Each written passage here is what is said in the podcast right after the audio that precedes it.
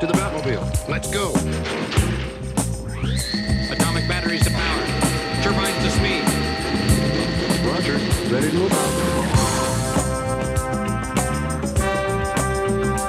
I'm ready to shoot now. My cock is ready. I want to fuck. Let's go. Starring the mad prophet of the airways,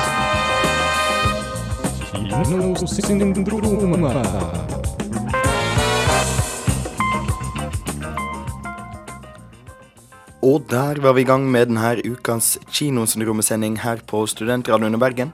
Det er en litt forkorta podkastversjon av sendinga vi hadde i forrige uke, men du skal få høre alle anmeldelsene vi sendte på ukas premierefilmer.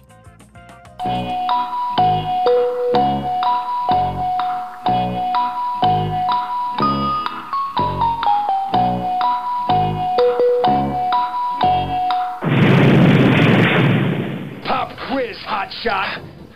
Aller først kan vi gå til konkurransen, og siden ukas premiere er Surrogates, så eh, tar vi for oss en konkurranse som eh, spiller litt på det.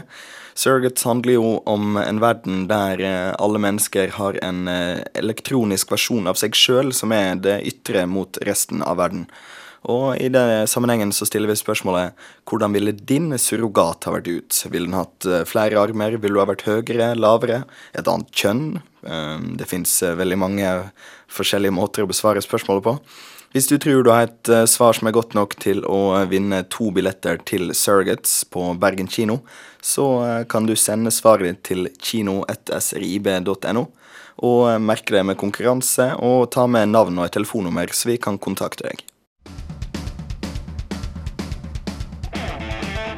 Du hører på Kinosyndromet.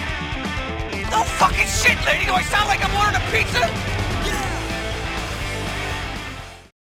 Da skal vi ha et intervju med Margaret Olin i sammenheng med den nye filmen hennes 'Engelen'. 30. september er det premiere på den norske spillefilmen 'Engelen' av Margaret Olin. Hun befant seg en onsdag formiddag på Scandic hotell, så jeg fant ut at jeg ville ta en liten prat med henne. Nei, når jeg vokste opp, så, eh, så trodde jeg at jeg skulle bli forfatter. Jeg har alltid likt å høre historier bli fortalt. Jeg har alltid likt å se på fjernsynsteater, gå på kino, lese bøker. Jeg er liksom opptatt av historie. Eh, både fordi at det er en sånn flukt i det. Det er en måte å eh, få informasjon på. Det er å se inn i nye landskap, inn i nye verdener, inn i andre mennesker. Eh, jeg tenker jo at uten fortellingen så hadde ikke vi mennesker overlevd. da. At det, at det er den største trøsten vi har i livene våre. At, at vi har At fortellingen er dette Det er et vindu å titte ut av inn i andre verdener. Men det er også et speil som gjør at vi kan forstå hva det å være menneske er. da. Dokumentarfilm og fiksjon er ikke bare forskjellig i form, det er også en helt annen måte å jobbe på. Det har vært eh, egentlig en fantastisk reise å få lov til å gjøre 'Engelen'. Eh, det å jobbe med skuespillere som er relativt nytt for meg. Jeg har jo lagd to kortfilmer, bl.a. en novellefilm for to år siden som jeg gjorde helt sånn bevisst med henblikk på at jeg skulle lage 'Engelen', som er litt lik i tematikk og sånn. Um, så man jobber jo annerledes pga. at man har en mye større stab og det er mye mer penger involvert og alt det der. Men du kan si det som er likt, er jo det å forvalte eh, filmfortellingens virkemiddel og opparbeide en tillit mellom de som er foran og bak kamera. Om det er Kasim og Mikael i Ungdommens råskap, eller om det er Maria Bonnevie og Gunilla Rør, det er ikke det så stor forskjell på egentlig. Så det handler uansett om å jobbe med mennesker og jobbe med film, men det er bare at apparatet er så sinnssykt mye større, og det er liksom et, et annet press innenfor et kortere tidsrom. Det er så mye mer intensivt. Under lanseringa av Engelen dukka det opp flere oppslag i media om at Olin ønska gratis heroin for narkomane, som selvsagt skapte stor ståhei. Engelen er nok mye mindre politisk enn folk forventa, tror jeg. Mm, Engelen er en eh, Når jeg la ned det dokumentarprosjektet som jeg holdt på med for mm, Jeg la det ned for åtte år siden. Den hvor jeg fulgte en heroinavhengig venninne av meg med kamera i to år, det hadde blitt en veldig politisk dokumentar. Men nå har jeg valgt å skrive en fiksjon og løfte det bort fra hennes historie. Eh, Men det hun gjennomgår rent emosjonelt, det er veldig henne.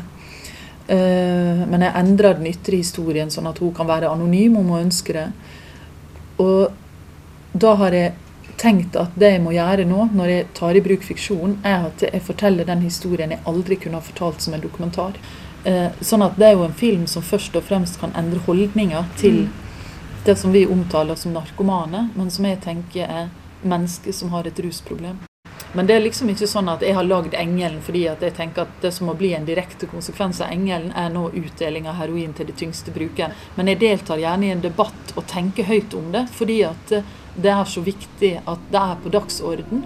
Mange stusser nok på Olins valg av hovedrolle. Maria Bondevie var i hvert fall ikke den første jeg så for meg spille heroinavhengig. Eh, Altså Maria er Maria, men Maria er en fantastisk dyktig skuespiller. Maria har en enorm sånn styrke eh, som hun har veldig til stede i sin profesjonalitet. Men så er det noe veldig sånn ømt og mykt i hennes vesen som hun har som menneske. Em, og det har gjort at hun for meg er liksom Hun er Lea, da. Så har Margaret Olin blitt bitt av spillefilmfeberen? Eller er det fortsatt dokumentaristen i henne som er sterkest? Noe som i hvert fall er helt sikkert, er at etter en engel må det komme en djevel. Ja, jeg har nå Jeg holder på å finansiere eh, en ny helaftens dokumentarfilm. Og så driver jeg og utvikler et eh, nytt helaftens eh, fiksjonsprosjekt, eller en ny spillefilm. Og det er basert også på virkelighet og virkelige mennesker, og research som jeg har gjort i norske fengsel. Den filmen har arbeidstittelen 'Djevelen'. det er litt sånn, Nå har jeg gjort 'Engelen', så får vi lage 'Djevelen'. Og det er et forbryterportrett. Altså engelen er sett gjennom barnets synspunkt. Djevelen er sett gjennom forbryterens synspunkt. Oline har lagd en film som i hvert fall traff meg. Så da gjenstår det bare å se om engelen treffer like godt hos det norske folk. For meg er nøkkelscenen i filmen når moren sier at Men Lea, man, gir, man gir ikke opp sitt barn. Jo, mamma, noen ganger gjør man det. Og det var Lisa Enes som hadde gjort intervjuet med Margaret Olin der, og senere i sendinga skal du få høre anmeldelsen hennes av Engelen. Hei, dette er Bjarte Tjøstheim fra Radioresepsjonen på P3. Nå trenger du ikke bare høre på Radioresepsjonen. Det hadde vært kjempefint hvis du kunne høre litt på studentradioen òg. Ikke sant? Kom igjen nå. Og nå over til en skjult skatt fra den spansktalende filmverden, Nine Queens.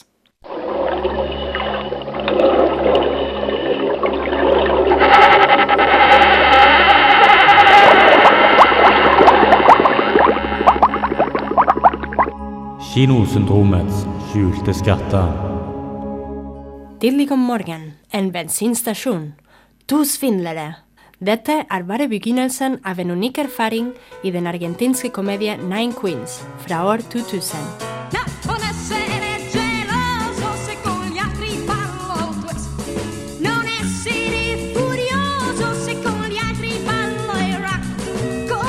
To små svindlere, som vanligvis bare jobber for små penger, møtes tilfeldigvis en tidlig morgen.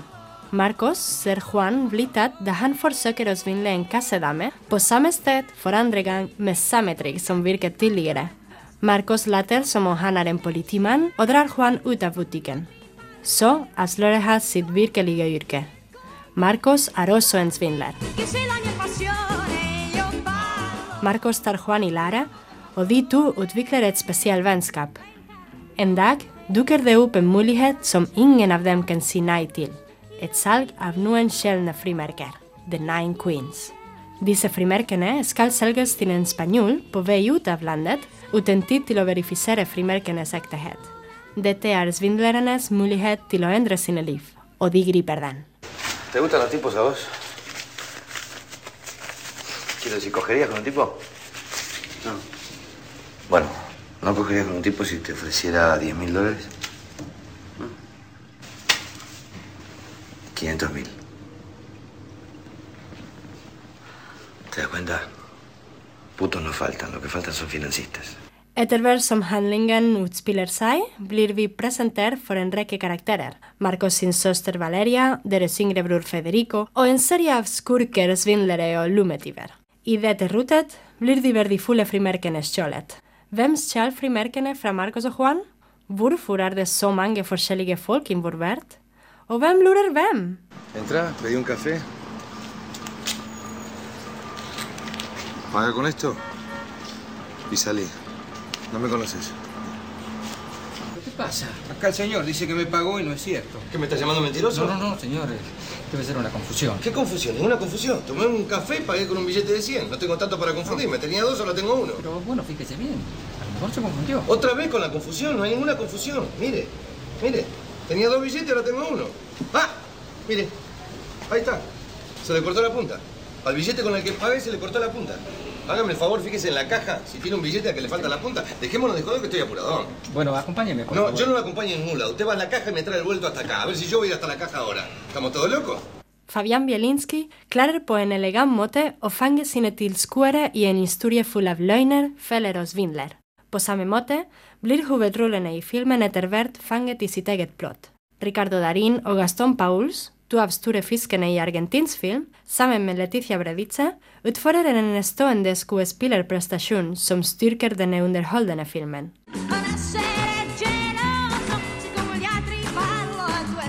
Frankrike, USA og Norge hadde belønnet denne filmen med sine beste priser. Beste film, beste regissør og beste skuespiller er bare noen av de kåringene denne festlige filmen har fått internasjonalt. Den gode kritikken av filmen inspirerte den amerikanske regissøren Gregory Jacobs til å lage en Hollywood-versjon i 2004. Filmen kom ut under tittelen Criminal. Også i India ble det laget en egen versjon, Bluffmaster, regissert av Rohan Sipi. che son bella dondolando abbracciati sulla stessa mattonella no. Jeg anbefaler Nine Queens på det sterkeste. I que vare på grund av det morsomme plot-twistene som leder karakterene gjennom ulike omstendigheter og situasjoner, men også på grunn av måten filmen viser hvordan korrupsjon ikke bare finnes hos opportunister, men også på en nasjonal skala. Som Marcos sier, ingen er helig, vi tar bare ulikt ved alt. Dem lyset, hent popcorn og husk Rita Pavones sin sang Il ballo del Matone.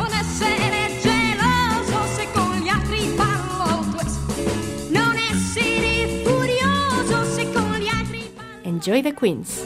conti conti conti che sei la mia passione io parlo parlo del Det var Bea Munoz Mayen som hadde gjort et dypdykk i sin filmsamling og sett Nine Queens, denne ukas skjulte skatt.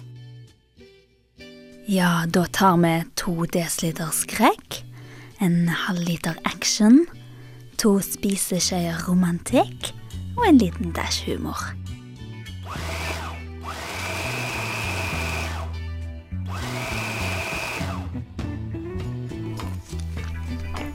Mmm, kinosyndromet. Jenter med spiseforstyrrelser, ungdommers råskap, fråtseri, onkler med Downs syndrom, slakteriavfall og sykehjem. Alle er de temaer i filmer av norske Margaret Olin. Hun sin neste film handler om rus, og har fått navnet Engelen. Hvordan går det med deg? Et år til, så. Jeg er på benen igjen. Man får gjøre det beste av det. bare. Jeg forsto på legen at det her ikke var noe engangshendelse, Marilyn. Han har aldri slaget meg før. Det her er så alvorlig at uh, vi anbefaler det å politianmelde. Ingen skal være nødt til å leve under sånne forhold. Men han var jo full. Han gjør jo aldri så annars. Vi følger historien om Lea. Gjennom tre faser i livet, som barn, ungdom og voksen. Hun bor sammen med sin mor og kreftsyke far. Faren dør, og moras gamle kjæreste Ole flytter inn. Han er voldelig mot mora, og alt Lea vil, er at de sammen skal flytte bort fra han. Sånn går det ikke, og Lea begynner å forsvinne inn i seg sjøl og føler at hun har mista mora si, som aldri gir opp noen, og derfor heller ikke Ole. Lea blir eldre, og etter hvert får hun seg en kjæreste.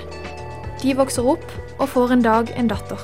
Men kjæresten merker at det mangler noe i Leas liv, og sammen begynner de å ruse seg på heroin. Etter hvert blir avhengigheten så stor at Lea bestemmer seg for å si fra seg ansvaret for dattera. Jeg klarer ikke å ta vare på henne lenger, mamma. Så kan du bare ikke si. Du er hennes mamma. Jeg er avhengig av heroin. Tror hun får det bedre hos noen andre. Sonja er redd. Hun er urolig hele tida. Hun merker at jeg ikke er der for henne. Jeg kan hjelpe deg med henne. Må bare slutte med stoff. Jeg klarer ikke det, mamma. Så du skal gi opp ditt barn da? For å rusa deg i fred, Er det det du sier? Jeg vil ikke at hun skal vokse opp og være redd. Engelen har et dokumentarisk preg som virkelig funker. Kim Hjortøy har filmfotografien, som han også har hatt på flere av Olins filmer. Bildene er virkelig vakre, nakne og ærlige. Maria Bondevie spiller rollen som Lea, og spiller helt fantastisk. Det samme gjør mora, som ble spilt av svenske Gunilla Rør. Hun må ha lyset på om natta. Eh, Hun spiser risgrøt til kvelds. Bamsen hennes ligger i vogna. Den må hun ha når hun sover. Og så liker hun å bli båret i søvn. Man gir ikke opp sitt barn. Jo, mamma. Noen ganger gjør man det. Engelen er en vakker, vel gjennomført film. Men likevel ble jeg litt skuffa over historien. Det ble feil å si at det var en klisjé, men jeg hadde høyere forventninger om en historie som virkelig skulle sette spor i meg, fortelle meg noe jeg ikke har hørt fra før. Men Engelen er en god film, og jeg anbefaler den virkelig. Kanskje aller mest for ungdom. Det er fint å bli påminnet på at de lytrygga oppe i Nygårdshøyden også har en historie å fortelle, og er like mye mennesker som de som går lytrygga under han. Og filmen 'Engelen' var anmeldt av Lisa Enes. Yeah, a little bit of pain never hurt anybody, if you know what I mean. Also, I think knives are a good idea. Big, fuck off shiny ones.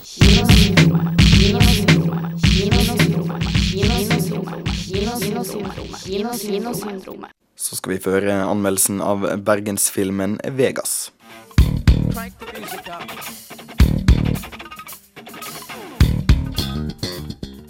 Er det lova landet en illusjon eller en virkelighet? Mange har spurt seg det spørsmålet, og minst like mange har prøvd å svare på det. Skal en sikte til stjernene og håpe på å lande i tretoppene, eller skal en holde begge beina på jorda og holde det kjente, kjære og kanskje stabile nært? Spørsmålet ligger i om det er verdt å forlate det en har, for å kanskje oppnå noe bedre. Er det vits i å sikte mot Las Vegas når en kan risikere å ende opp i Nygårdsparken? Denne problemstillinga og fryktelig mange andre blir tatt opp i filmen Vegas. Jeg velger deg. Kom igjen, jeg valgte deg. Du valgte meg. Ser jeg ut som en jævla puddel? Vi mister humor.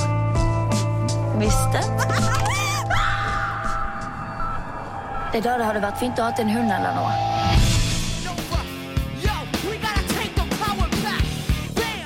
Thomas, Marianne og Terje er tre ungdommer med vidt forskjellige historier som ender opp på en ungdomsheim. Etter å ha sett mora si bli banka opp en gang for masse, blir Thomas og lillebroren hans tatt hånd om av barnevernet og sendt til hver sin ungdomsheim. Der møter Thomas Marianne, ei sterkt utagerende jente som har fucka opp tre fosterheimer med sin oppførsel, og Terje, en smålåten kar som nærmest går i frø etter at mora hans dør. Faren hans støter han fra seg fordi han skylder på Terje for ulykka. Til tross for sterkt forskjellige bakgrunner ender de tre opp som venner med en felles drøm en heim. Filmen tar for seg hvordan forholdene de imellom utvikler seg, og forholdene til distanserte, voldelige eller ikke-eksisterende foreldre. Alt ettersom. Hovedrollekarakterene bærer kanskje preg av at rollene kunne hatt bruk for mer erfarne skuespillere, men alt i alt gjennomfører de ganske bra. Thomas, spilt av Jørgen Hausberg Nilsen, ville si framstå best, som gutten som prøver å holde fasaden til familien sammen, samtidig som han er sterkt frustrert over mora som ikke vil forlate sin voldelige kjæreste. Sindre Kvalvåg Jacobsen gjør seg bra som den distanserte Terje, sjøl om han kanskje blir litt vel esoterisk og out there til tider. Karoline Stemre som Marianne har tendenser til overspilling, og generelt en veldig lite likbar karakter. Men det slår meg at det er kanskje gjort med vilje. Det her er tross alt snakk om ei jente som bruker oppførsel som et skjold mot verden rundt seg. Den nye Oslo S-Lena? Kanskje. Du velger ikke familien din. Du velger ikke hva de gjør, eller hva som skjer med dem. Så håper jeg at du vil trives her, Thomas. Du kan selvfølgelig velge de vekk. Bare for å finne ut at det er noen andre som velger deg vekk. Skjønner at du ikke kan bli med hjem til oss nå?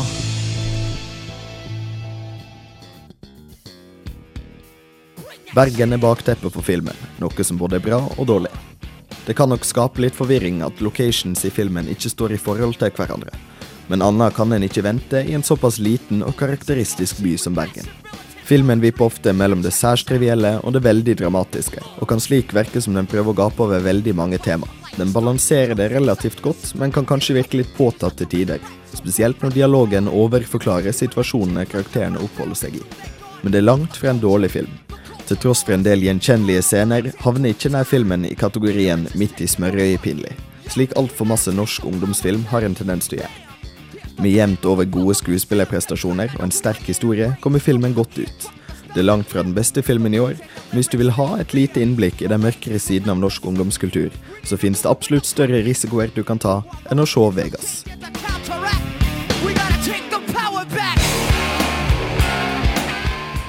Det var Andreas Opsvik som hadde anmeldt Vegas der.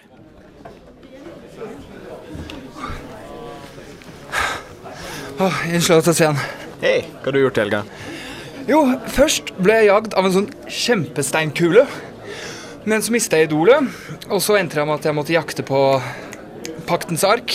Men så viste det seg at den var full av Guds makt, så når jeg åpna den, så smelta alle sammen. Men heldigvis så lukka jeg øynene og overlevde. Ja, og så fikk jeg jenta til slutt. Du, da? Hva har du gjort? Jeg tror jeg har klamydia. Film bedre enn virkelighet. Da gjenstår det vel bare å si eh, takk for oss denne gangen. Jeg har vært eh, Andreas Opsvik, og du har hørt en uh, veldig forkorta versjon av Kinosyndrom her. Uh, kjapt før vi slutter av, så kan jeg gjenta konkurransen vi har, der du kan vinne to billetter til uh, ukas premierefilm Surrogates. Og det blir da selvsagt i sammenheng med den filmen at vi stiller spørsmålet hvis du skulle hatt en elektronisk versjon for å representere deg for resten av verden, hvordan ville den her sett ut? Ville du hatt flere øyne? Ville du hatt eh, du ha vært høyere? Ville du ha vært et annet kjønn? Eh, mulighetene er uendelige. Hvis du føler du har et godt svar, så send til kino.srib.no. Merk mailen din med konkurranse, og ta med navn og telefonnummer, så vi kan kontakte deg. That will.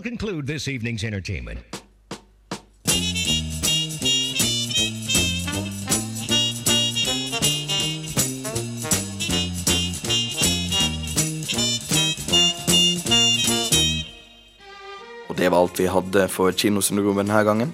Følg med neste uke, da vi på nytt skal hjelpe deg gjennom filmjungelen støtta av machete og store maskingevær. Vi snakkes.